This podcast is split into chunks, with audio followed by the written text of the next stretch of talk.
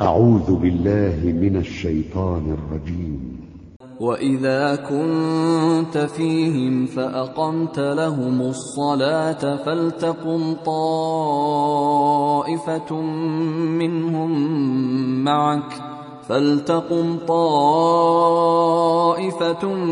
منهم معك وليأخذوا أسلحتهم فإذا سجدوا فليكونوا فإذا سجدوا فليكونوا من ورائكم ولتأت طائفة أخرى لم يصلوا ولتأت طائفة أخرى لم يصلوا فليصلوا معك وليأخذوا حذرهم وأسلحتهم ود الذين كفروا لو تغفلون عن أسلحتكم وأمتعتكم فيميلون عليكم ميلة واحدة ولا جناح عليكم إن كان بكم أذى من مطر أو كنتم مرضى أو كنتم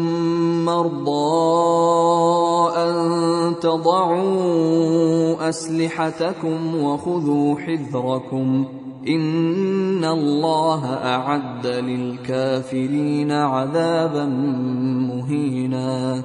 فإذا قضيتم الصلاة فاذكروا الله قياما وقعودا وعلى جنوبكم.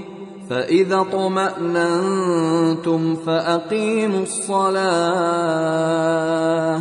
إن الصلاة كانت على المؤمنين كتابا موقوتا. ولا تهنوا في ابتغاء القوم إن تكونوا تألمون فإنهم يألمون. إن تكونوا تألمون فإنهم يألمون كما تألمون وترجون من الله ما لا يرجون وكان الله عليما حكيما إنا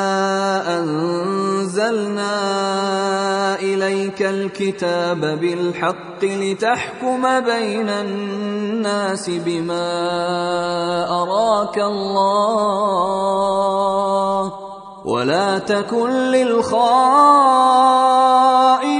خصيما